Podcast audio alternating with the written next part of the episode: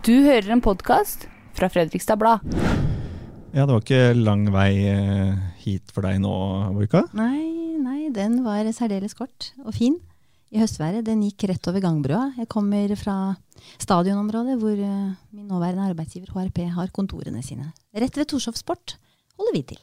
Så jeg gikk, eh, gikk over gangbrua i sol og vind til deg.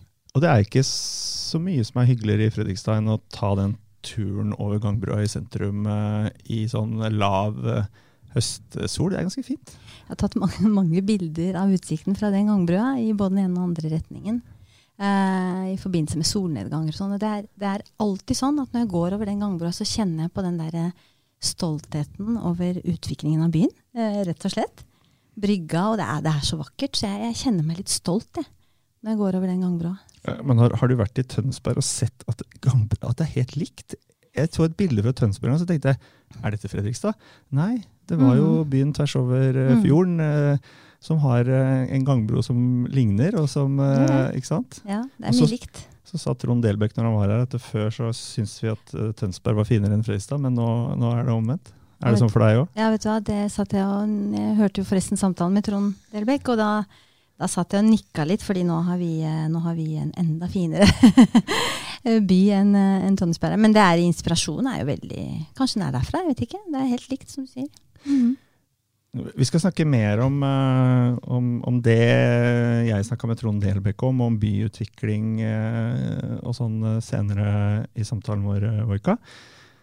Men um, vi skal begynne med å snakke om eh, et tema som ligger deg nær hjertet. Og det er eh, ledelse i alle dens uh, former. Oh. Og nå, nå Ja. ga du meg sånn tommel. Yes! Ja. Du er virkelig engasjert Ja. i ledelse. Hvorfor er du det? Og det er så mange grunner til det. Um, det betyr mye for mennesker som er i et arbeidsforhold med en leder. At den relasjonen, og der kom nøkkelordet, relasjonen, fungerer. Jeg har vært og er veldig opptatt av lederne mine og ledelsen jeg utsettes for. og jeg har også fått æren av og privilegiet av å lede mennesker, og jeg har blitt uh, veldig glad i lederrollen. og den den uh, betydningen det har uh, for en medarbeider å ha en leder som, som bryr seg, og som ser deg, og som backer deg og oppmuntrer deg, utfordrer deg. Eh, dytter deg litt inn i det ukjente, men støtter deg i, på den veien. Det, det, jeg, har, jeg har selv erfart det, for jeg har hatt veldig gode ledere. Og noen mindre gode ledere. Jeg har selv erfart den veksten det har gitt meg. da. Eh, jeg kan ta et lite eksempel fra min tidligere eh, si, arbeidsplass Fredrikstad kommune. Da var jeg jurist i plan- og bygningsmyndigheten og hadde en fantastisk fin leder som var plan- eller bygnings- og reguleringssjef, var vel tittelen. Lasse Henriksen heter han. Og han øh, var veldig, øh, en veldig god leder for meg, og, og syntes jeg gjorde en god jobb som jurist og saksbehandler. Men han utfordret meg ganske tidlig på at jeg burde se til ledelse og begynne å tenke ledelse. Han så et potensial i meg som jeg absolutt ikke var klar over. For jeg var saksbehandler, jeg var jurist, og jeg skulle jobbe med byggesaker og plansaker og forvaltningsrett og holde på med mitt fag, som er jussen, og ikke ledelse. Men han så et potensial, og han fikk meg til å begynne å studere noen eh, kurs om ledelse på Høgskolen i Østfold på kveldstid. Og på den måten så sådde han et frø. Og når den anledningen bød seg at jeg kunne søke på en leder, jeg hadde lyst til å søke på en lederstilling, og fikk den, så, så viste det seg at det var noe som lå mitt hjerte nær, og som jeg følte mestring i. Og som jeg fikk utrolig fine opplevelser sammen med mennesker i den rollen. Eh, så ja, ledelse er viktig, og det, det gjør Det er egentlig et alfa og omega for om en bedrift eller en organisasjon fungerer. Hvor, hvor eh, gammel var du da når eh, du først fikk prøve ut det å være leder? Jeg ble satt av denne Lasse Henriksen, av sjefen min, til å være hans NK, nestekommanderende, og fikk på en måte litt lederoppgaver i forbindelse med det. Da var jeg Dette var sånn 2008-2009, eh, og da var jeg vel eh, 40 år. eh, cirka. Så, Eh, så det, det var godt voksent, da, egentlig.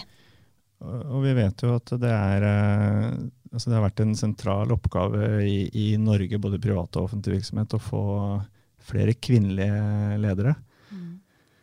Um, hva ha, Er det annerledes? Du vet jo ikke hvordan det er å være mannlig, mann og være leder, men, eh, men eh, tror du at det er eh, andre ting som møter en kvinnelig lederrolle enn en mann? Det, det tror jeg nok. Selv om jeg nok ikke har opplevd så mye av det. Fordi jeg har vært leder i offentlig sektor. Um, kanskje er det noe annerledes i privat sektor, og deler av privat sektor også. Så det har jeg jo ikke erfaring med, men jeg underslår ikke at det må være at det, det nok er en, en, en, realitet, at det er, det er, forskjellig. Men jeg har vært uh, også leder i rene mannsdominerte miljøer, sånn som i Bygg og Eiendom i Fredrikstad kommune, hvor det var veldig mye menn. Uh, og også vært uh, holdt på å si, påtaleleder som, som politijurist i politiet. Der altså var det også veldig mye menn. Men jeg har kanskje vært litt sånn intuitiv på det å bruke min feminine kraft. da, På en hyggelig og positiv måte, og oppnådd god dialog. Og jeg har ikke følt at jeg har stått i veien. At man liker å bruke skjørt og leppestift og er jente, liksom. Jeg, jeg, har ikke følt at det har blitt uh, noe negativt, eller heller ikke positivt sånn Altså, jeg har, blitt, jeg har vært en av, en av, gutta, eller en av, en av gjengen. Uh, vet ikke om det har noe med mitt fokus å gjøre, men, eller med også med arbeidsplassen, konteksten, at jeg har vært i det offentlige. Men jeg har ikke kjent på det selv. Men at, at det på visse nivåer og i visse deler av næringslivet kan uh, være en utfordring, uh, uh, det er jo ikke til å underslå det, tror jeg. altså. Du, du, snakker om relasjoner, og i det så ligger det jo da relasjoner med mennesker. Mm. Og mange som kanskje ikke har prøvd å være ledere.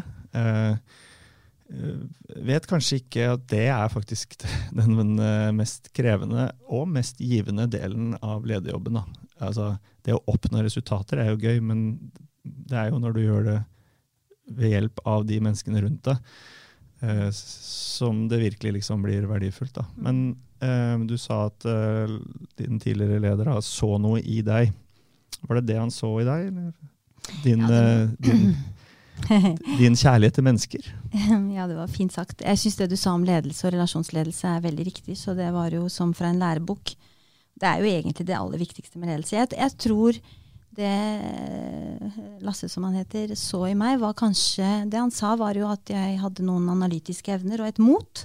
Pluss det som du sier, at jeg um, i møte med mennesker nok er veldig, veldig tydelig, også som juridisk rådgiver i plan- og bygningsmyndighet. Det var det han observerte, at det var tydelig møte med utbyggere og uh, kunder, eller, eller uh, innbyggere som ønsket å få forløst noen planer. Så var det klare, tydelige, uh, til dels veldig sånn strenge tilbakemeldinger, av og til et nei. Men at det var et element, eller jeg har nok mulighet til å utstråle en viss varme i den formidlingen. da, Og forståelse for den andres posisjon. Så han kanskje tenkte at det er, eh, det er et, en lederkvalitet. Jeg vet jo ikke eksakt hva det var han tenkte på, men jeg kjenner selv at det har jeg med meg, og det er en styrke. Fordi jeg er helt overbevist om jeg, at um, hvis du skal være leder, så må du først og fremst være glad i folk. Eller iallfall, pleier jeg å si med et smil, late som. Helst være. Bry deg om mennesker. For hvis du Jeg er jo et fagmenneske også, i bånn. Um, Um, så det er en viktig egenskap å ha, altså mestre faget, men det er ikke nok. Uh, så det at man er faglig sterk og rykker opp i ledersjiktet av den grunn, det er ikke nok. Man må kunne være glad i mennesker og bry seg om menneskene sine. Um, det er en sånn historie jeg liker å dra da, for, for, folk som liker å snakke om ledelse. Det er jo eh, Jeg så en klipp på YouTube av moder Teresa, den lille nonnen som er eh, halvannen meter høy eller enda mindre. Som var på stor, en stor konferanse for ledere, eh, bare menn selvfølgelig, i salen den gangen. I dresskelettede menn. Så kommer hun på podiet, dette lille mennesket i intyla i det der hvite habitten de har i India, og på scenen. Og så blir hun spurt om Temaet er leadership, ledelse. Hva er god ledelse? Og så kommer hun og rekker så vidt opp til mikrofonen, og så sier hun bare to setninger, og det er Do you know your people? Og do you love your people? Og så går hun ned av podiet, og så bare bryter applausen løs, og ovasjonene står. Og det er egentlig kjernen, da.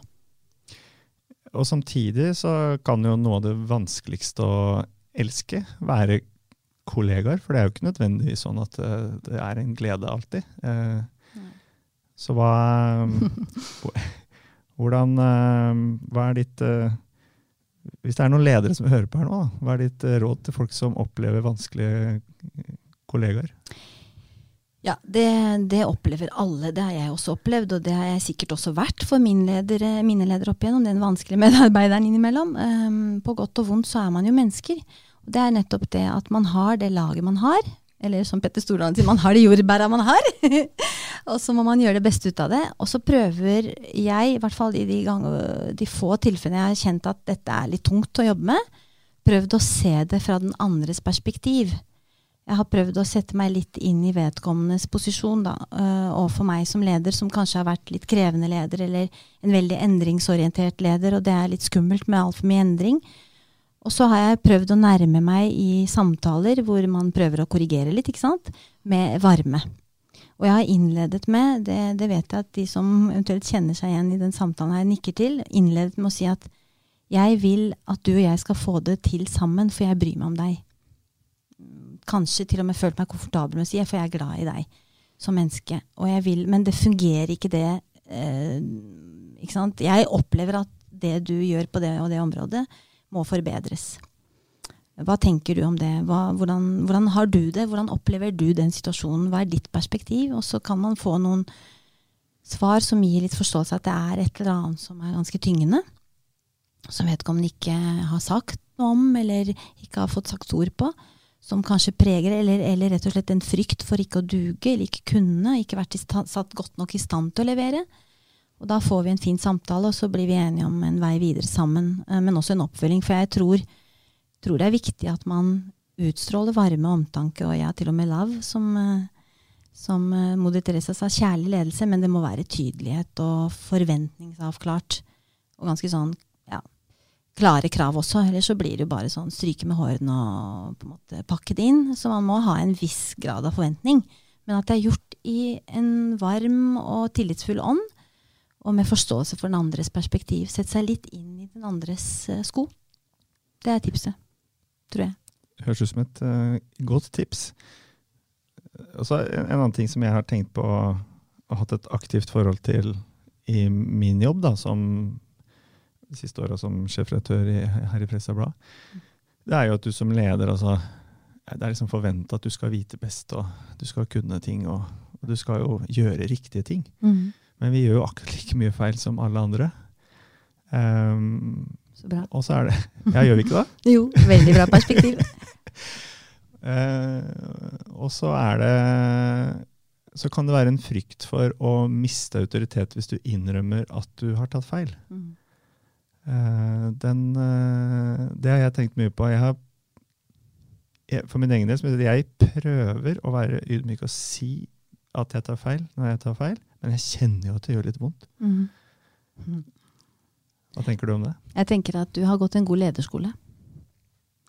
Jeg, jeg har uh, samme tilnærming, og jeg tror oppriktig også, jeg, at at de beste lederne er de som er menneskelige og, og tør å vise at de er mennesker. Altså, de byr på hele spekteret sitt av menneskelighet. De, jeg gjør i hvert fall det. Jeg har uh, felt tårer sammen med min ledergruppe. Um, jeg har vist engstelse for det som måtte komme, men samtidig prøvd å trygge på at vi skal klare dette sammen.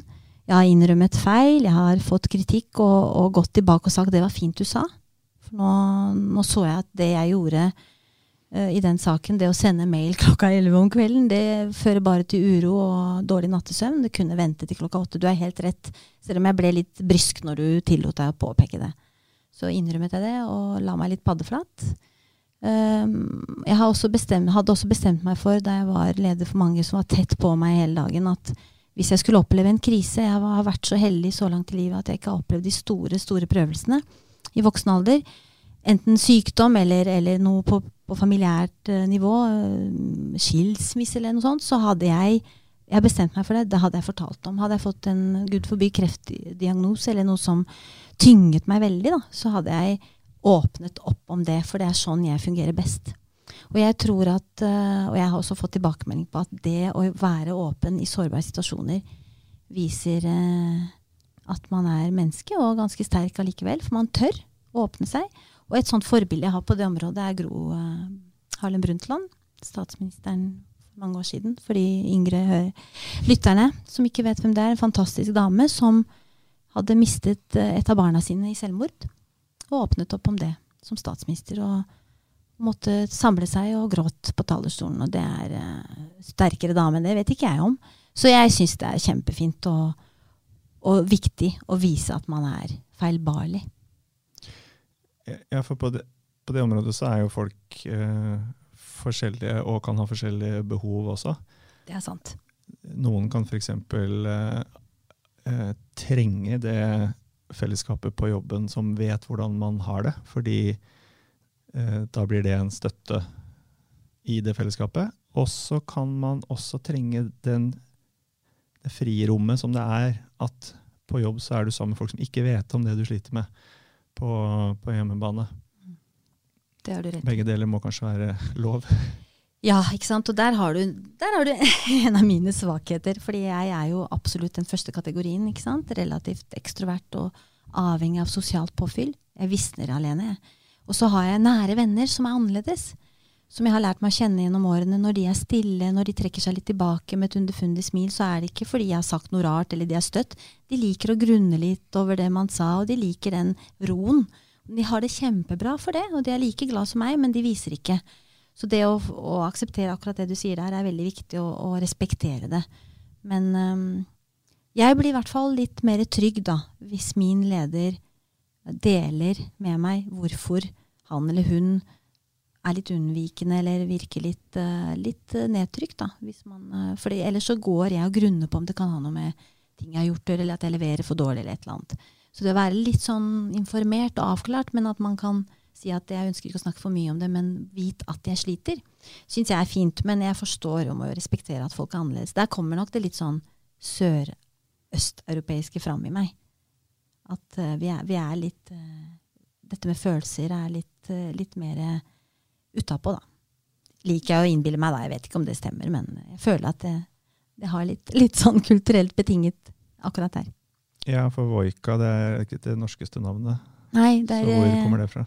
Det er Vet du, hvis du googler Jeg googlet meg selv, vet du.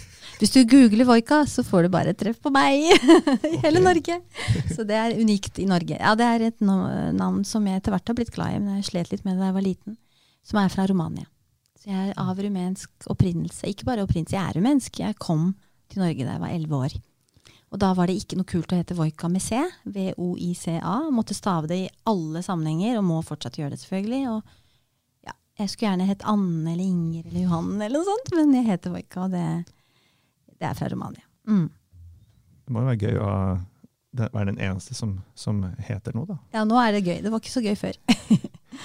um, eh, jo, tilbake til det med lederrollen og hvordan man er. Fordi at det er også noe som eh, som jeg kan synes har vært litt vanskelig i perioder. Nemlig at eh, når du er leder, så eh, blir du plutselig lagt mye mer merke til i rommet.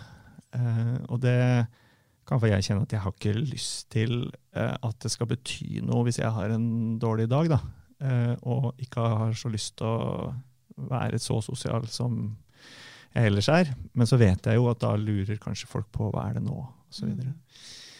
Så eh, man, skal man ta det ansvaret som leder og liksom sørge for at man er helt stabil og ikke liksom skaper noen uh, bekymring i gangene?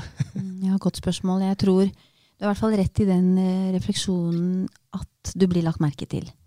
Og alt du sier og gjør, får en ekstra tyngde eller betydning for folk. Sånn er det jo. Sånn er det min Jeg ser veldig opp til min leder, og nærmest ubevisst herme litt, ikke sant? I språkbruk og terminologi. Og, og det å være bevisst på hvordan man omtaler andre, hvordan man oppfører seg som leder, hvilke ord man bruker, er makt. Men også dette med humør. Og jeg er- nok dessverre der, René, at man må ta seg sammen. Fordi jeg tror det påvirker, og det gjør Det, det skaper usikkerhet hvis man tillater seg Med mindre man forklarer. Med mindre det er bare sånn liten humørsvingning, så er det ikke noe vits å si i dag er jeg en sånn blåmandag. Men, men hvis det er noe som plages eller plager deg, så er det viktig å åpne opp om det. Eller så prøve å, prøve å virke på trygg og fornøyd. For det i hvert fall enkelte medarbeidere Sånn som jeg er som medarbeider, faktisk, så er jeg litt var på sånt. og blir urolig og, og lurer fort. Men andre bryr seg kanskje ikke om det, legger ikke merke til det. Vi er forskjellige sånn, men, men ha med deg at det nok er sånn at det påvirker omgivelsene. Hvordan, hvordan du, når du kommer i rommet, hvordan du er. Sånn er det bare å være leder. Og det tror jeg man må ta med seg i vurderingene av om man skal påta seg lederoppdrag. Ja, interessant. Det synes jeg har ikke tenkt på det siste du sa der, med at det er sånn du er. For det er jo sånn jeg er, og jeg blir jo også veldig påvirka av hvordan folk rundt meg er. Um, altså, og da slo det meg plutselig nå at du får jo liksom et dobbelt handikap hvis du blir leder. Og så er du i utgangspunktet en som ikke er så god til å sense rommet, liksom. For da vet du jo heller ikke at det gjør noe hvis du sjøl Nei, og, og, den type ledere har jeg også hatt, som er veldig fine folk på mange vis, men ikke har de uh, antennene eller de Og da Jeg har ikke sant, brukt energi på å være urolig. Jeg kan jo si, eh, For å ta det, du, du har jo nevnt allerede at du blei leder i, uh, i, i Fredrikstad kommune. Mm. Og så har du vært det på, på forskjellige nivåer. Um, vi kan snakke mer om det, men uh, få ta det først, da. Mm. Du nevnte to ganger nå at du har hatt opplevd også dårlige ledere. Ja. Uh, kan du si mer om det? Eh, ja. Um, først så vil jeg si at de lederne eh, som ikke har vært gode nok i min, i min, for meg, i min verden, de har vært snille og ordentlige, og de er snille og ordentlige mennesker, og gode fagmennesker. Men det virker ikke som de er komfortable rundt folk. Uh, uh, eller kan følge opp når eh, medarbeideren, les meg, har behov for å bli sett og hørt hvis man antyder noe om en helsesituasjon som kan være litt krevende. Og da er det veldig rart med det, men man forventer jo en oppfølging. Det får jeg ikke da. Så blir jeg skuffet og, og ja, rett og slett litt sånn indignert og sur og tenker at sånn skulle det Dette er elementært. At du følger opp, at du hvordan går det med deg? Er det noe vi kan gjøre? Er det jobbrelatert, eller?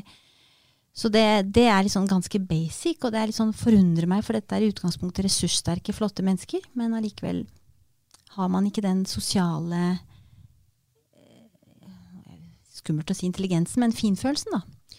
Men har man ikke et ansvar selv også, som ansatt, hvis, eh, hvis man har gått til lederen sin og sagt at nå har jeg en situasjon som er krevende for meg. Mm. Um, og man ønsker gjerne å si mer om det ja. i løpet av den neste uka. Har man ikke også mm. et ansvar for å si fra sjøl? Jo, det har du helt rett i. Samtidig så har man forventninger til ledere på et visst nivå, med mye faglig og annen ressursmessig kapasitet. Så jeg er en medarbeider som um, Som medarbeider, da, så kan jeg si at jeg var og er veldig leveranseorientert, men også veldig krevende. Ja, jeg krever en del oppmerksomhet, oppfølging og engasjement fra min leder, fordi jeg gir så mye av meg selv i jobben og identifiserer meg veldig med oppdraget og jobben. Og så tror jeg jeg tok med meg det samme som leder også, og heldigvis så hadde jeg med meg mine refleksjoner om dårlige ledere, slik at jeg var oppmerksom på hvor jeg ikke skulle tråkke feil selv, selv om jeg tråkket masse feil sikkert. Men, men jeg har litt denne krever litt grann eh, fokus når man åpner opp. Så må man også følge opp. Eller at man rett og slett hadde en leder en gang som kom på jobb om morgenen og sa ikke hei. Det vet jeg flere har opplevd. Ikke med den personen, men altså, sikkert med den personen òg, men, men, jeg har hørt om andre historier av mennesker som egentlig er kjempeålreite mennesker, og egentlig fryktelig glad i jobben sin. Flinke òg. Men akkurat det å se på folk rundt seg og si hei. Hei, så fint å se deg. Eller bare hei. Gå rett forbi meg i gangen. Da følte jeg meg rett og slett som luft og helt totalt betydningsløst. Jeg var jo sikkert ikke det, men det var følelsen jeg fikk. Så dårlige ledere på det nivået der, det, det er faktisk ganske ødeleggende. Så det har ikke vært noen sånn mobbing eller, eller, stygge saker, men det er små ting som for meg har hatt stor betydning. Um, så er det vanskelig sikkert å vite hva betyr mye for Voika, ikke sant? Men, men jeg tror det er egentlig ganske sånn universelt det å ønske å bli bli sett i en viss grad, anerkjent med et hei. Hvis man åpner opp og forteller at man eh, f.eks. ikke sover om natten lenger. Ja. Fordi man er overarbeidet og, og, kjenner at man må gå til legen og få løst det problemet. At man skjønner at dette må man følge opp. Det syns jeg er eh, viktig. Hvor, eh, hvor høyt opp i den kommunale lederhierarkiet kom du? Jeg har vært, eh, det er litt artig at du spør, for det er faktisk nest øverst. Jeg begynte som avdelingsleder, som det heter i Fredrikstad kommune. For en uh, liten, kompetent avdeling i bygg og eiendom. Og så ble det virksomhetsleder, som neste nivå heter. Så ble det etatssjef. Så ble det direktør. Så jeg har ikke vært kommunedirektør. Nei. Men du er en av disse direktørene som uh, folk mener at tjener altfor mye. Uh, og, Jeg var ja, ikke sant? Direktør en kort periode i Halden kommune. Ja. Ja da. De, De mener sikkert det samme der. mener sikkert det samme der. Men uh, vi skrev jo om at du slutta i, i Fredrikstad kommune. For mange tror jeg litt overraskende. Um, hvorfor, hvorfor slutta du? Det høres ut som du trives med ledelse og har hatt en fin eh, en eh, vei eh, i, i din karriere. Så Mm. hva lå bak det valget? Veldig godt spørsmål, og det kommer nok et litt lengre svar, for dette var komplekst. Fordi det utgangspunktet du har med at jeg er veldig glad i kommunen, det stemmer. Det er jeg fortsatt. Så kommunen som organisasjonsform, kommunen som samfunnsinnretning, jeg tror veldig på det. Jeg syns det er veldig spennende og veldig kompleks arbeidsplass som server innbyggerne og gir tjenester fra vugge til grav. Fra de harde tekniske fagene til de mykeste myke, omsorgs- og, og helsefagene og utdanning og det meste. Så det, det er en fantastisk arbeidsplass. Men øhm, jeg hadde jo vært i Fredrikstad kommune i andre omgang. Etter en liten tur ut i politiet så hadde jeg vært i kommunen i over syv år og kjente på det. Og så var det sånn at uh, jeg jobbet altfor mye. Hadde lagt meg til en arbeidsstil som krevde, trodde jeg, uh, jobb døgnet rundt. Og begynte å kjenne på en slitasje i forhold til at jeg la ned en enorm innsats. da. Følte jeg selv, og tok oppdraget veldig på alvor. Eh, og jeg hadde et fantastisk lag i bygg eiendom, men jeg opplevde nok de siste årene at prosessene begynte å bli veldig tungrodde og langdryge. Uh, jeg fikk ikke Kan du utdype det litt? Ja. Prosessene. Altså, eh, som, som etatssjef så er du avhengig av ulike strategiske beslutninger, veivalg, avgjørelser. Hele dagen består av det. Og noen kan man Altså ta at det kommer også input fra politisk hold, fra nemlig. øvrig ledelse, nedenfra. i nedenfra, sideveisfra, Ja, utenfra, ovenfra. Ikke sant? Og da blir du som, Som I den rollen så, så blir du den som alt dette treffer. Ja da, man treffes, ikke sant. Og det er jo det som også gjør det veldig spennende. For det er store forventninger fra både holdt på å si, innbyggere, først og fremst, som vi jo er til for. Eh, og så er det politisk nivå, som jo er innbyggernes uh, representanter i beslutninger. Og så er det selvfølgelig ledere over meg og min ledergruppe under meg, som også har forventninger til min. Ja, så det er jo en endeløs media, ikke minst, som jeg uh, syns var veldig fint og viktig å, å svare ordentlig ut og være på plass for. Så alt dette ble veldig sånn uh, mye, men også er man da avhengig av at interne beslutningsprosesser for å kunne levere best mulig også foregår med et visst tempo, slik at man settes i stand til å lede på det nivået man forventes å lede på. Så når man etter hvert får et enormt tyngende ansvar, følte jeg i hvert fall at dette å ivareta alle kommunens bygg og eiendommer og mange mennesker som skal jobbe for disse bygg og eiendommene, det opplevde jeg som et veldig stort ansvar, som jeg tok på største alvor. Men når myndigheten nesten ikke er til stede til å ta beslutninger, fordi ting tar tid, og de skal kvalitetssikres, så mister man motivasjon. Og når, når fokuset dreies mer og mer i en retning av kontroll og detaljer, og utredninger på utredninger på utredninger, så mister man fart, og man får ikke kommet videre og tatt beslutninger og oppnå resultater. Eh, Du nevnte myndigheten. Mener du da din myndighet til å gjøre noe? Eller mener du Ja, altså jeg, med myndighet du nikker, det er så Ja. vanskelig å høre det på radio. Ja da, jeg skal, eh, skal Jeg trodde kanskje du ville si noe mer. Nei, jeg, med myndighet så mener jeg beslutningsmyndighet. Altså muligheten til å ta avgjørelser. At du, Ja, eller ja det er rollen, Ja, ikke sant. mm. Funksjonen, og det gjelder jo ikke bare meg, men ma mange Mm. andre funksjoner, som er eh, beslutningsfunksjoner. Altså en etatsleder, da. etatssjef. Jeg er ikke så redd for det sjefsnavnet. Etatssjef heter det. det. Det, det. er jo en funksjon som skal på en måte ha en strategisk ledelse av etaten. Ikke operativ nede i detaljene, selv om det ble litt det innimellom oss, selvfølgelig, men, men ha en sånn overordna strategisk ledelsesfunksjon og kunne ta beslutninger. Kunne mm, ja, beslutte om man skal ansette eller ikke ansette, eh, disponere budsjettet sånn og slik, innenfor rammene selvfølgelig gitt av bystyret osv. Og det er jo et delegeringsreglement som ligger der, så på papiret så har man jo eh, ramset opp ulike beslutningspunkter. Men når hverdagen ble preget av mer og mer det siste, da, Um, altså av kontroll? Ja, ja, flere omganger. Hvem er, hvem er, det som kontrollerer? Det er jo, um, det er jo nivåene over etatssjefen. Ja. Og, og, systemer. Man rapporterer inn i ulike systemer som skal måle, altså med måleindikatorer og sånn, hvor man skal måle produktivitet og, og måloppnåelse. Da. Så det er jo et kontrollsystem. Jo, men, men kontrollen besluttes dels av egen organisasjon og toppledelse, men også kanskje av tendenser i samfunnet med at man skal dokumentere mer og mer, og man skal øh, redegjøre mer og mer grundig for ting. Vedtak fra statsforvalter har jo økt i omfang fra et par sider. Jeg begynte i bygningsmyndigheten i 2004, nå er det vel 10-15-16 sider. Altså alt bare kompleksitet og kontroll. Uh, men her berørte vi flere ting. Men i hvert fall denne med denne endringen i fokus, da. Uh, og når man kommer på et visst nivå, så forventer man også å kunne få lov til å levere resultater.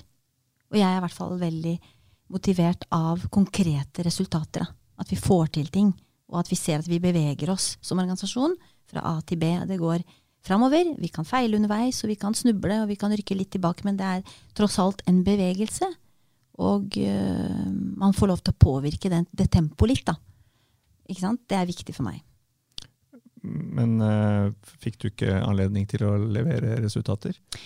Jo, jeg fikk jo anledning til å levere. Det er jo ikke svart-hvitt, men jeg opplevde at det, ja, i det store og det hele ble tyngre å komme i mål. Det, altså opplevelsen er sånn, Jeg har et godt bilde på det, for jeg, jeg, kjente det faktisk fysisk. at man, Det er akkurat som jeg sto i en sånn oppoverbakke og dro et sånn veldig tungt lass bak meg. Og så ble den oppoverbakken bare Jo høyere opp jeg kom, dess lengre ble den. Jeg kom aldri på toppen. Jeg fikk aldri liksom anledning til å legge fra meg det lasset og hvile litt og se nå har vi oppnådd dette, følte jeg da. Altså jeg, jeg, jeg, kjente at jeg jobbet og jobbet og jobbet, og kom ikke helt i mål etter hvert da, med, med det jeg ønsket å gjøre. Er det Satte dere ikke tydelig nok delmål som du kunne oppnå, som gjorde at du følte at ok, ja, det er fortsatt oppoverbakke, men jeg har i hvert fall kommet hit, og så kan jeg gå videre? Det gjorde vi, heldigvis. Og det var mange sånne oppmuntringspunkter underveis. Uh, og særlig uh, i sånn organisasjonsutviklingsøyemed så fikk vi gjort mye bra.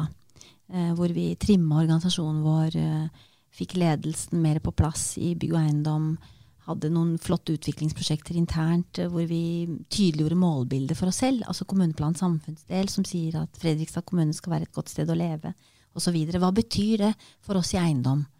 Vi fikk også løftet opp betydningen av eiendom, så det var mange sånne småseiere. Altså. Men, men allikevel så kom jeg til et punkt hvor jeg følte at, at uh, det, det, tok for lang tid. Uh, og jeg, var, jeg var, ble moden for en endring. Men hva måtte Fredrikstad kommune endra på for at du skulle trives eh, fortsatt som leder på det nivået her? Tja, det er et godt spørsmål, faktisk. Uh, ja, rett og slett følelsen av å kunne ha enda mer tillit og autonomi. Tillit fra hvem? fra både min leder og, og, toppleder og folk rundt meg, støttefunksjoner uh, som skal bistå etatssjefer, om det er personal, HR, anskaffelsesavdeling, altså mange rundt oss som er nødvendig i en, en leders hverdag. Uh, og fra politisk nivå. Uh, at man har, man har, muligheten til å ta beslutninger, det har vel vært nevnt også faktisk fra politisk nivå, har jeg sett i avisen, at beslutninger skal kunne tas på et lavere nivå å ha tillitsbasert ledelse, det tror jeg er viktig. Det, det tror jeg hadde vært en, eh, en, en, endring som jeg hadde heiet på, da. Hvem er det som har hovedansvaret for å innføre mer tillitsbasert ledelse i Fredrikstad kommune? Alle som er ledere. Men fra selvfølgelig kommunedirektør og direktører under kommunedirektørfunksjonen og etatssjefer. For det er jo ledelsesnivåer på ledelsesnivåer ikke sant? i store organisasjoner. Og alle som har et lederansvar, um, bør vise, utvise tillit og tenke at de nivåene man har under seg, som skal støtte opp om funksjonen, der der er en grunn. De kan det de driver med, bedre enn meg. La de få lov til å drive med det. La de få lov til å ta beslutninger. Så lenge man setter noen rammer og noen føringer for hvordan myndighet skal utøves, og det er lojalt innenfor det, så tenker jeg at det er viktig for mennesker, at mennesker skal trives, at man har en viss grad av autonomi. Altså selvråderett, eller hva det heter. da. Ja, autonomi er at man kan bestemme selv, Bestemme selv. over det man rår Ja. Mm. Om, om jeg som um, driftstekniker, da, eller vaktmester som det heter, kan bruke noen timer på det eller det oppdraget, så lenge jeg leverer til min driftssjef, så bør det, ikke sant, og at driftssjefen får ta noen avgjørelser på sitt nivå, det, det er viktig. At ikke alt skal uh, forankres på nivå etter nivå etter nivå etter nivå, og så ned igjen, ikke sant, og gis beskjed om at nå kan du gjøre det. Litt mer handlingsrom, da. Men er dette en uh, utvikling som, har, uh, som, som du har sett har gått etter din mening da, i feil retning i den perioden du har vært leder i Fredrikstad kommune? Ja, jeg tror det har blitt tøffere og mer krevende og komplekst generelt å være leder i det offentlige øh, og i kommunen, fordi at forventningene er så store og ressursene er små. Så det tror jeg gjelder kommunale ledere generelt. Det tror jeg kommunale ledere nikker til over det ganske land, øh, hvis de hadde fått høre det. Og så har jeg også opplevd det, ja, i, øh, i min tid som etatssjef, at det er blitt, det er blitt mer langdrygt og, og tungvint å ta beslutninger. Det har jeg opplevd. Jeg føler litt at det er en elefant i rommet her. Er det noe Nei, det er det ikke. Nei, altså Kanskje er jeg bare en utålmodig um, sjel, da, som ikke, ikke, finner meg til rette i det, det som må være en sånn uh, litt møysommelig styrt kommune. Ja. Jeg vet ikke. Du jobber i det private nå. Trives, du, bedre, ja. trives du bedre der? Ja, der, kan- der går det unna, skjønner du. ja, det er, altså, jeg trives veldig godt i, i UHRP. Eh, men, eh, jeg, men jeg heier fortsatt veldig på kommunene. Altså. Det som er så morsomt, er at nå som rådgiver i UHRP bistår nettopp kommunale ledere med ulike prosesser eh, innenfor eiendom spesielt, men også organisasjonsutvikling. Og jeg ser jo mye av utfordringene Fredrikstad kommune har i andre kommuner også. Men, men ledelse består jo av mennesker, og mennesker er individuelle og har sine særtrekk. ikke sant? Så det, det kommer an på menneskene til slutt.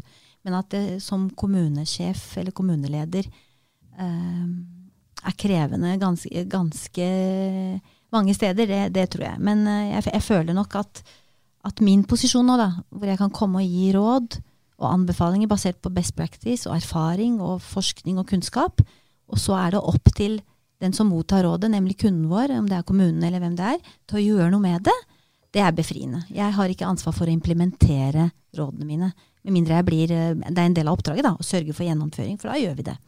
Men jeg kan liksom gå ut og tenke at nå har jeg gjort mitt.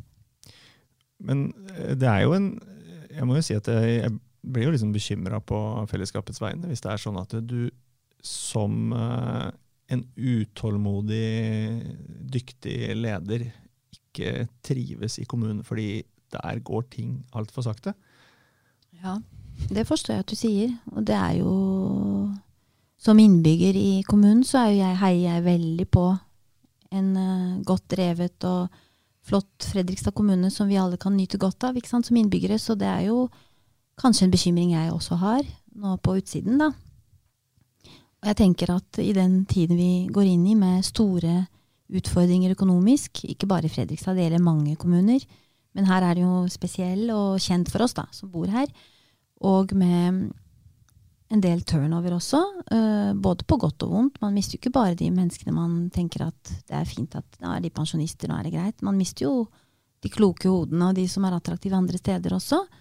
Så vil jeg tenke at det er viktig nå å rekruttere inn flinke folk og sørge for at de blir. Og sørge for at de får utvikle seg, og sørge for at de får brukt seg og vokse. Og da tror jeg det jeg snakker om er veldig eh, sentralt, nemlig tillit og eh, mulighet til å påvirke. Sant? Og at man blir lyttet til, og man, man får et rom å handle innenfor for å bruke seg selv og sine kunnskaper. Det tror jeg er viktig at vi må ha. Vi må ha de kloke hodene i kommunene, for kommunene har store utfordringer fremover. Så vi trenger de beste folka, da. Og vi, trenger, vi må, dem, må, ikke bare få dem i Nå snakker jeg vi, hører du, på vegne av kommunen som jeg er så glad i. Men vi, man må sørge for å få de inn for døra og holde på de. Og la de utvikle seg og vokse og bli. Uh, ja, Så er det naturlig med en viss turnover, da. Det er jo. Folk søker jo nye utfordringer. Men, men uh, ja, vi, vi har jo ja. skrevet om en direktørflukt. Ja. ja. Det, henger det sammen med Tror du det henger sammen med de problemene eller de utfordringene du har opplevd? Det kan jo hende, men altså de må jo nesten svare for hvorfor de har tatt de, de andre kollegaene mine, som må svare for det selv. Men uh, jeg kan bare svare for meg selv, og jeg um, har vært ganske åpen og ærlig med deg på det. Og fra min side var det ikke noe flukt. Heldigvis så var jeg jo Hadde det veldig bra på mange måter også, men det var et valg basert på en totalvurdering av hvordan jeg skal bruke ressursene mine og hva jeg får på en måte av resultater ut fra ressursbruken. Jeg har, jeg har lyst til å lese for deg fra et dokument som vi eh, fikk innsyn i. Eh, dette er en mail som er sendt til fra en eh, kommunal leder på jeg vet ikke hvilket nivå, til eh, vedkommendes leder igjen. da. Mm. og det er jo påfallende når jeg hører hva du forteller. Eh, Eh, er, eh, her står det det er helt ok å jobbe 50 timers uke så lenge en opplever mestring. Problemet er at jeg jobber 50 timer i uken og rekker likevel ikke annet enn møter, mail og de helt prekære må-oppgavene. Det jeg har behov for, er tid til personaloppfølging av egne ansatte, oppfølging av virksomhetens satsingsområder, sette mål og skape resultater sammen. Wow. Ja, det er ikke fra meg. Nei, det kunne vært fra deg, høres ja, ut som. Ja da. Bortsett fra at jeg jobbet 60 timer. Nei da. Nei, det var jo sånn i snitt 50-60 timer, ja. Så det kjenner jeg meg 100 jo, igjen i. Dette, dette er jo, Vi har snakka om ledelse. og så sier at Det viktigste for, for, deg og meg som ledere er jo mm. folka. Ja, og her skriver en leder i kommunen at jeg, jeg har ikke tid til folka mine. Nei. Hva tenker du om det? Nei, jeg tenker at det er uh, veldig Veldig bekymringsfullt, egentlig. Og jeg, jeg, tror ikke dette gjelder bare Fredrikstad kommunes ledere. Jeg tror uh, mye av den offentlige ledelsen preges av store prosesser, rapporteringskrav, detaljstyring, eller som min nåværende leder kaller det, pinsettledelse. Ikke det godt begrep? Mm. Fremfor å bruke de store brillene og se de store perspektivene, så går man ned i så jeg tror det er mange som kan være enig i den e-posten, altså, uh, også utenfor Fredrikstad kommune. Men, men uh, jeg skjønner liksom ikke hvorfor dette med personal skal bli salderingsposten, for uten laget så smuldrer jo alt opp. Og, og, det er nettopp det som bør være en bekymring når mange velger å slutte også i en etat eller en enhet av kommunen. at Hva gjør vi uten folka? Det, det er jo et poeng med å ha de der. Um, men så kan det også være at den lederen der har Jeg får for meg at det kan være skolesektoren òg, for det er så mye krav som stilles, og så mister man målet av syne. Altså. Det strategiske målet er jo det viktige her. Ja, og at man de definerer må-oppgaver. Det er å sitte i møter og svare på e-poster. Um, mm. Det står også i den samme at vedkommende får 100-200 e-poster per dag. Ja. Det høres jo helt ellevilt Jeg syns jeg er for mange, men jeg er ikke i nærheten av det. Mm. Nei, det er eh, endeløst. Den e-postverden er jo bare og, og mye er så, Dette er store temaer, ikke sant, som uh, det er vanskelig å gjøre noe med. Og jeg kjente litt på det samme selv. Hvilke møter skal jeg si ja til? Hvilke møter skal jeg uh, delegere bort til andre, eller skal jeg lett og slett ikke være med på? Hvor mye må man være med på? Det er, det er en stor diskusjon. Det er veldig vanskelig. Uh, men som eiendomsleder, da så forvalter man jo um, en enorm verdi på vegne av innbyggerne i Fredrikstad. Uh, hvis jeg kan få smette inn noe om det. Uh, det er jo faktisk um, Det er vanskelig å estimere verdiene på alle byggene til Fredrikstad kommune, alle eiendommene, men man opererer veldig sånn forsiktig med forsikringssum. Og den er ofte mye lavere enn reell verdi, for vi har ikke taksert alle eiendommene.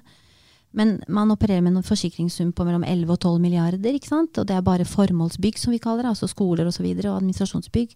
Legger du til kommunale boliger, så kan du opp, være oppe i 13-14 milliarder kroner som man må ta vare på som eh, eiendomssjef på vegne av fellesskapet, på vegne av bystyret og for kommunedirektøren. ikke sant? Og da er jo å forvalte den verdien klokt og utnytte det potensialet alle disse tusenvis av kvadratmeterne. 500 000 kvadratmeter bygg har man i Fredrikstad. Og det er helt på, på det jevne med kommuner flest. Det er masse eiendom å forvalte, og, og da bør jo også eiendomssjefen være en veldig sentral strategisk figur i alt av planlegging av ressursbruk.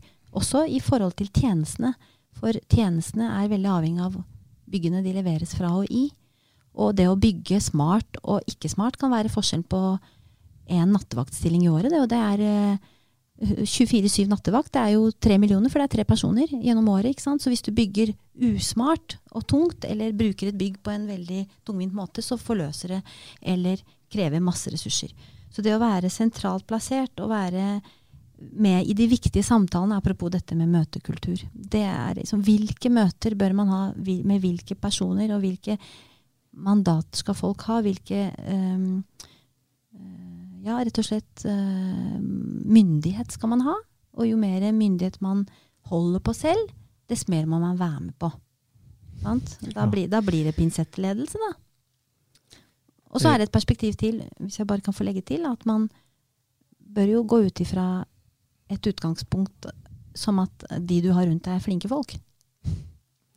Ja. Som du kan delegere til trygt mm. og godt, fordi det er fagfolk. Du har jo altså det er mange tusen ansatte, både i Fredrikstad kommune og andre store kommuner. Det er jo flinke folk. Så er det selvfølgelig varierende kvalitet, for vi er mennesker alle sammen. Noen er veldig gode, andre er mindre gode. Men må, man, man, må jo ha det som utgangspunkt som leder. At det laget du leder er, består av gode folk som vil det beste for arbeidsplassen sin. Ikke at uh, du er den eneste som kan gjøre jobben så bra som det du sjøl forventer. Ja. Yes. du, du, du, snakker om eiendom nå, og du, mm. og du har eh, også, så vidt nevnt tror jeg, at du, du har jobba som, uh, som, som, saksbehandler innenfor uh, bygg og eiendom. Ja. Og, og, jurist der. Og så hadde vi også nevnt at vi har hatt Trond Delbekk her, og han snakka en del om det og var ganske kritisk til um, alle disse ideelle fordringene, alle disse kravene uh, til byggtekniske ting og mer ideelle ting, som at ikke det, man kan parkere biler på gateplan osv. Mm. At det er med på å, å, gjøre boliger dyrere og gjøre at det blir vanskeligere for folk som ikke har veldig god råd å komme seg på boligmarkedet. Ja. Eh, da ja, snakker du egentlig om eh, den jobben du har vært satt til å gjøre tidligere. Mm. Føler du deg truffet? Ja, jeg syns det var veldig interessant å høre Delbecks refleksjoner rundt det. Jeg må jo si en av byens store utviklingsaktører, eiendomsutvikleraktører, veldig nøktern og klok for øvrig, uttaler en såpass bekymring rundt det, så treffer det meg på en måte. Selv om jeg nå ikke sitter i, eller har ikke gjort det de siste årene på myndighetssiden. Jeg har vært mer aktør som ham.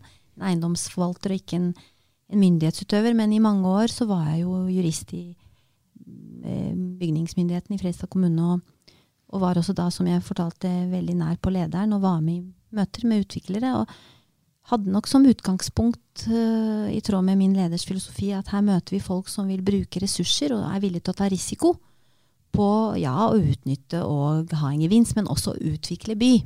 Ta arealer som trenger transformasjon osv. Her møter vi dem først og fremst med respekt, men også med våre krav og forventninger som er i plan- og bygningsloven, men også med en holdning om at vi må løse det vi kan løse.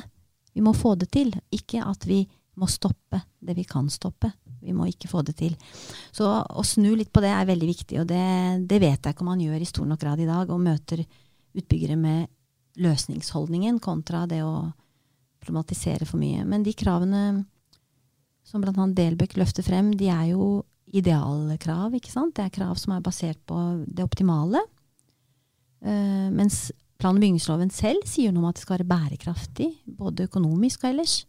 Så skjønner jeg veldig godt at man ikke vil ha biler på gater og biler på torg. Bare se på endringen i byen her, det er fantastisk. Men Samtidig så må man ha med seg hva er på en måte det overordna målet her. Er det miljø og bærekraft? Er det hensyn til planeten som gjør at man må bygge annerledes og fjerne bilene fra gata?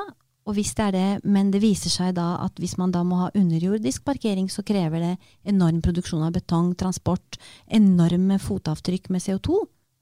Hva, hva er da? Blir det på en måte en sånn der papirøvelse, da? Blir det det beste som er det gode, godes fiende? Eller er det faktisk god samfunnsutvikling? Kjenner jeg ble ordentlig engasjert. Men, For dette er jo egentlig sånn eh, veldig sånn praktisk fornuft, da. Mm. Og så virker det som om noen har sittet og bestemt at nei, vi skal ikke ha eh, bilparkering på gateplan. Dels fordi de er estetisk lite tiltalende, men også fordi at det sender et signal om at vi ønsker å få ned bilbruken. Eh, og så har man ikke rett og slett tenkt tanken videre til ja, hva blir konsekvensen da? Mm. jo, da må vi bygge, bruke enorme ressurser på å, å gjøre boligene dyrere og bruke, eh, slippe ut masse miljøskadelige eh, avgasser. Mm. Så eh, og du, du nevnte i stad det der med liksom, autonom ledelse, det å ta ansvar. og. Er det, er, det, er det tilbake der? Hvor liksom, Ja. manglende helhetstenkning? Ja, det tror jeg det er. For vi mennesker tenker ofte ikke sant, i, i bruddstykker og bolker og ikke helhet. Vi, vi gjør det vi kan, og, og plan- og bygningsmyndighetene er god på å stille krav. Vi, de bygger jo ikke noe selv. Så jeg tenker det er et sånt nytt ord som, som brer om seg i Kommune-Norge, som heter samskaping. Det å skape ting sammen fremfor bare å samarbeide, men rett og slett skape noe av verdi sammen. Og det brukes ofte i, i, eh, i betydning av at kommune og innbygger og andre krefter skal forene seg og, og skape noe sammen i mye større grad. Her burde man jo sett på, eh, sammen med utbyggerrepresentantene, hva, hva innebærer denne regelen eller disse fordringene, som du kaller det, ideale fordringene, for deg som utbygger? Hvor mye risiko er du villig til å ta, gitt at de kravene gjelder? Fordi man skal ikke glemme at ethvert utbyggingsprosjekt er forbundet med enorm risiko. Fordi Med mindre det er 100% utsolgt på forhånd, da, altså det er et bestillingsverk, man bygger etter bestilling. Og, og ikke minst i disse tider, det var det jeg hadde med en jukselapp på, som jeg ikke fikk lov til å ta opp av deg, men dette med bygningsøkonomi, altså hva koster det nå for eiendomsutviklere å, å bygge? Det, er jo, det jo, har jo forandret seg totalt. Jeg jobber jo mye med sånne miljøer nå. Hvor, hvor kostnadene har skutt i været, og hver bygde kvadratmeter Man har en sånn tommelfingerregel på at eh, inntil i fjor kosta sånn 45 000 kvadratmeter for en bolig Og, altså å bygge. å bygge. ja. Ja. 45 000 kroner per kvadratmeter Så bolig 100 kvadratmeter bolig koster Ja. 4,5 millioner kroner å bygge. å bygge. ikke sant? Vet du hva det har økt til nå, bare på det siste halvåret etter at uh, Russland har gjort det de har gjort? 55. Ja, så det har økt med over 20 sånn. Sånn at eh, fortjenesten til utbygger minker jo, fordi at uh, salgsprisen kan jo ikke øke tilsvarende. Altså Da fins jo ikke folk som kan kjøpe boligen til slutt. Så fortjenesten ligger stabil. Kostnaden med å oppnå den fortjenesten øker. Så restverdien der, som er for investorene for risiko, den er eh, lavere og lavere. Det er færre og færre som tør.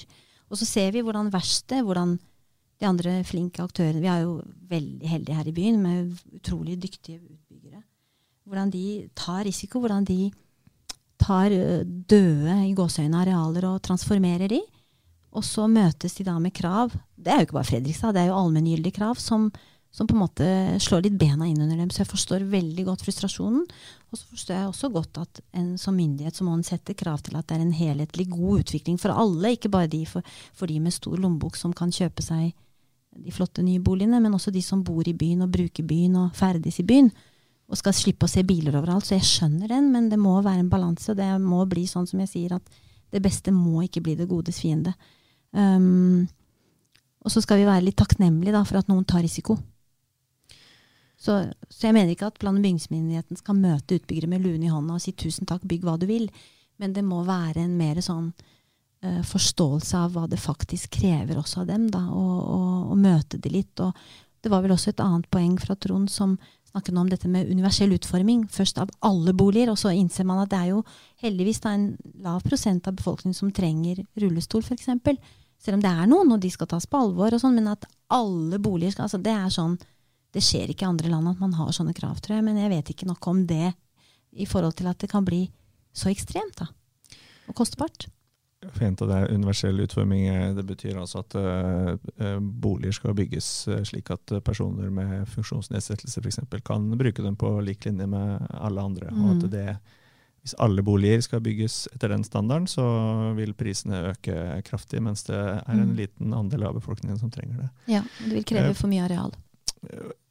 Nå, med fare for at dette er et veldig dumt spørsmål, men um, siden, for å liksom prøve å koble de to tingene vi har snakka om nå, da. Ehm, det Trond Delbekk tar opp som du er veldig enig i, at det kommer noen krav inn fra forskjellige kanter som gjør at eh, det blir eh, veldig dyrt og, og tungt å, å bygge.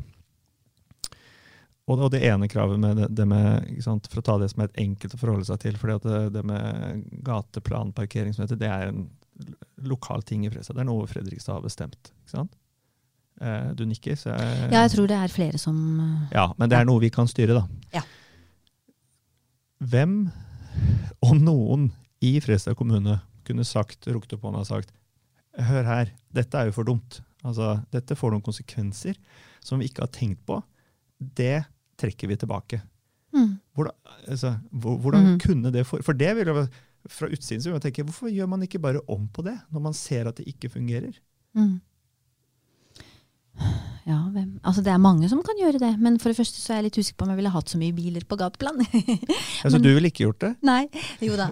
Men altså, Uh, man må jo finne en sånn en balanse i kravene. Men altså For, for å ta Delbekk eh, sitt forslag var jo Mm. å bygge sånne lette Parkeringshus. parkeringsstrukturer, parkeringshus i Ja. heltre og sånn. Det er jeg med på. Ikke sant?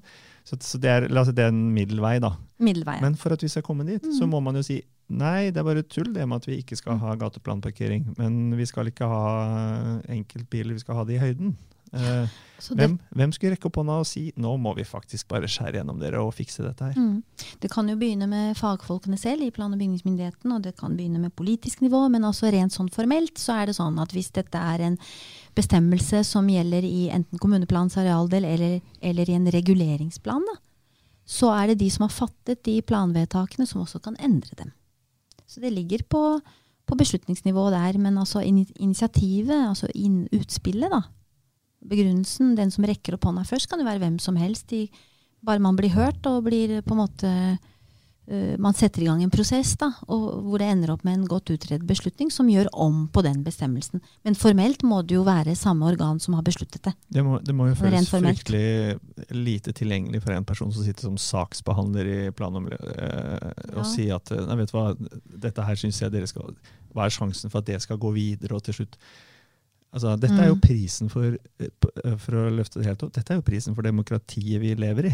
Hadde, hadde vi lagd podkast i Kina nå, så hadde jo ikke dette spørsmålet kommet opp. For der hadde bare noen sagt at sånn, sånn gjør vi det, eller Mm. sånn endrer vi det. Og så hadde det blitt sånn. Ja, for det er jo både formelle strukturer og uformelle. ikke sant? Noen har eh, uformell påvirkningskraft og makt, god argumentasjonsteknikk osv. Og, så videre, og blir hørt i kraft av en, enten faglig eller politisk tyngde. Så, så, så jeg tror på endring fra flere kanter. Da, at uh, utbyggere uh, betoner dette så tydelig som Trond Delbekk gjør. At uh, kanskje fagpersoner som har en viss kompetanse på området som meg, snakker, at vi snakker om det. At politisk nivå lytter til dette og begynner å nikke gjenkjennende til det. At plan- og bygningssjefer med andre begynner å sant, få så, såpass mye innspill på hvordan dette funker i praksis, at man er villig til å se litt nærmere på om man kan foreslå en endring. Men til syvende og sist så er det bystyret som vedtar planer i Fredrikstad kommune, som gjelder Fredrikstad kommune. Altså kommunale planer.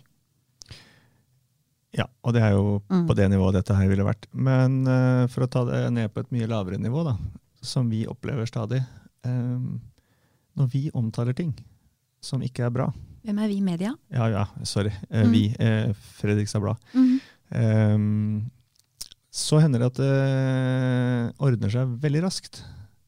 Og da syns jo vi på en måte at det er fint at vi har den eh, Jeg skal ikke kalle det makta, men at vi har muligheten til å påvirke og vise fram ting som man kanskje ikke har vært klar over. Eller at det rett og slett er sånn at nå blir det så ubehagelig dette her, at nå bare skjærer vi gjennom, og så gir vi vedkommende det han eller hun mener at burde ha hatt. Ehm, og du har vært veldig Jeg er litt usikker på hva jeg egentlig skal spørre om nå, men du har vært Jeg heier på det, da. Bare så jeg har sagt det. Du, øh, ja. At det er har det- påvirkningskraft, ja. Hva tenker dere i kommunen når det skjer? Eh, Er det et nederlag? Uh. Eller er det noe Hvis, hvis du hadde jobba med det og du hadde sett at noen du hadde ansvaret for, hadde snudd tvert om fordi plutselig så blei det en stor mediesak ut av noe, og så, og så tilbakebetaler man de pengene, eller hva det måtte være. Er det et nederlag, eller, eh, eller sier dere vet du hva, dette må vi lære av? Ja. Selvfølgelig må Nei, det er jo ikke noe nederlag. At, at noen er dyktige nok til å finne ut av ting som ikke er riktig og bra, og påpeker det. Og at media faktisk bruker rollen sin slik de skal, nemlig til å være en sånn slags samfunnets vaktbikkje. Synes jeg er kjempe... Og jeg er så takknemlig for det. Syns jeg er kjempebra. Bare stå på. Og det er klart at man, eh, man eh, skal eh, aller ydmykst erkjenne feilene sine og lære av dem, og ikke, ikke på en måte bli irritert på at det faktisk kom fram. Hvis det er sånn, da. At det er en feil. Som avdekkes, som, som, som media presser på og åpner opp. Og da blir det en debatt, og det tas tak i. Som man ellers kanskje ikke ville hatt enten tid eller anledning eller fokus eller mot til å ta tak i. Så det er kjempebra. Det heier jeg på. Og en annen ting å i det samme sporet, som vi snakker mye om her, nå sier jeg her som i Fredrikstad Blad-huset, for det er her vi sitter nå, ehm, det er at vi, vi opplever, eh, som vi mener sjøl, altfor ofte at det er vanskelig å få tak i informasjon. Eh, vi må klage på avslag på innsyn i eh, journaler osv. Og vi opplever at kommunale ledere ikke tar telefonen når vi ringer, eh, krever å svare på e-post. Hva tenker du om det? Ja. Du vet jo hva jeg tenker om det. Jeg har jo vært veldig Jeg har sett navnet ditt ofte i Fredrikstad hvis du tenker på. At du er en av de som har svart når Ja, har ringt. jeg, jeg har jo det. Og jeg, jeg har jo det. Og jeg tror at um, Jeg vet, vet ikke hvilke saker uh, noen ledere ønsker å, å summe seg litt på og komme tilbake, for det har jeg veldig forståelse for. For noen er komplekse, og noen inneholder opplysninger som man skal verne om og ikke innsyn i, for å ikke utlevere folk. Og sensitive ting som, uh, som berører personopplysninger osv., som er unntatt med hjemmel i lov. Men, men ellers, fra mitt ståsted da, som eiendomssjef, så hadde jeg befriende lite som var unntatt offentlighet, fordi vi jobbet jo med eiendom og ikke med mennesker med sårbare forhold. Så det var veldig, veldig, veldig godt for en som er så opptatt av åpenhet og gjennomsynlighet som meg, å kunne gi innsyn i det aller meste. Og så gjorde jeg det nok til et poeng at vi som kommunale ledere altså Jeg kan jo ikke styre andre enn meg selv og min ledergruppe, og vi, vi var veldig på å svare raskt og gi eh, Om ikke svaret man ønsker seg, men i hvert fall svare og si 'jeg ser du ringer', 'jeg skjønner at du vil ha tak i meg', 'jeg svarer så fort jeg kan, jeg sitter i møte'. Og så hører jeg hva spørsmålet gjelder, og du, det kan jeg ikke svare på på stående fot, men jeg finner ut av det i løpet av kort tid. Og da går det ikke mer enn et døgn før det svaret kommer. Og jeg er veldig takknemlig for den pirkinga da, som media gjør, for den, den, tar oss, den tar jo det offentlige på de svake punktene, og den blir jo på en måte en, en sånn slags lupe som, som avdekker det som avdekkes bør, tenker jeg. Så jeg, altså den syretesten man gjør som offentlig ansatt, at gjør det, det jeg gjør nå, tåler det forsiden på Fredrikstad Blad? Det jeg skriver i den e-posten nå til eh, en ekstern eller en Hvordan hadde det tatt seg ut hvis den kom på gåseøyne avveie og blitt fanget opp av René Svendsen og trykket opp på forsida? Dette skriver etatsjef sånn og slik. Står det seg greit eh, i en kontekst, da, riktignok? Eller er det ikke? Så tenker jeg det, det, det trimmer det offentlige. Det, det trener oss på årvåkenhet og nøyaktighet og skikkelighet. Så jeg er veldig glad for det. Jeg fryktet ikke med det. Jeg husker jeg tenkte en periode når det var en del skriverier om Fredrikstad kommune. og det var mye kritisk journalistikk rundt uh, både varslinger og det ene med det andre. Så tenkte jeg, skulle jeg ringt uh, redaktøren i Fredstad Blad og bedt en journalist bare være med meg og mine en hel uke til ende? Og være litt sånn skyggen vår? Skygge oss litt? Og sett hvordan jobber kommunale ledere på ulike nivåer innenfor f.eks. eiendom. da. Vært med i møtene våre, hørt på praten, sett tempo. Det tror jeg hadde vært fint da, å fortelle og vise at det er mye som er veldig veldig bra og veldig ordentlig. og Det, det er åpent, mye av det vi Vi skal være åpne. Vi har en kommuneadvokat i Fredrikstad kommune som bruker begrepet 'husk på at dere jobber i glasshus'. Det syns jeg er kjempefint. Akkurat som du sitter med innsyn fra alle kanter. Det skal du ha med deg. Du skal oppføre deg ordentlig. Og ikke bare for syns skyld, men gjennom alt du gjør. Jeg syns det er utrolig motiverende å ha en sånn der litt kontrollprega virksomhet. da. Men så kan det gå for langt i noen tilfeller med kommentarene i etterkant av artikler og sånn, som går på person, og det er litt mer smertefullt å stå i. Men, men selve journalistens interesse i det vi driver med i kommunen, syns jeg er veldig realt, det. Det syns jeg var en så positiv og konstruktiv avslutning. At, uh, og vi sitter, Apropos sitte i glasshus, vi sitter her i et lite glasshus og har, uh, har gjort det nå i en, en drøy time. Um, har det gått en time? Ja, det har det. Og du har prata mest, og det er jo definitivt målet mitt. Har det vært greit? Det har vært kjempefint. Ja, du føler at, no, Har du noe usagt? Nei, jeg tror ikke jeg har det. Nei. Nei. Hva skal du gjøre i helga? Ja, det var fint du spurte! Jeg skal være forlover. Skal sammen det? med mannen min. Tenk deg et forlovet par Ja. til en veldig god venn som eh, skal gifte seg. Så Så hyggelig. det blir, jeg, skal i- jeg skal være med på bryllup, jeg. Og være forlover og holde tale og greier. Så det, og det er kjempehyggelig. Så det gleder jeg meg til. Er det meldt fint vær òg? Det er meldt fint vær akkurat idet brudeparet kommer ut av kirken og skal fotograferes og sånn, tror jeg. For det er litt regn på morgenen og litt regn på kvelden, men fint midt i. Så vi tar imot det som kommer. Så bra. Lykke til med det. Takk. Og da eh, Norges eneste Voika. Norges eneste. ja. Voika Imrik, tusen takk for uh, at du tok deg tid. Og uh, ha en riktig god helg. Takk for at jeg fikk komme.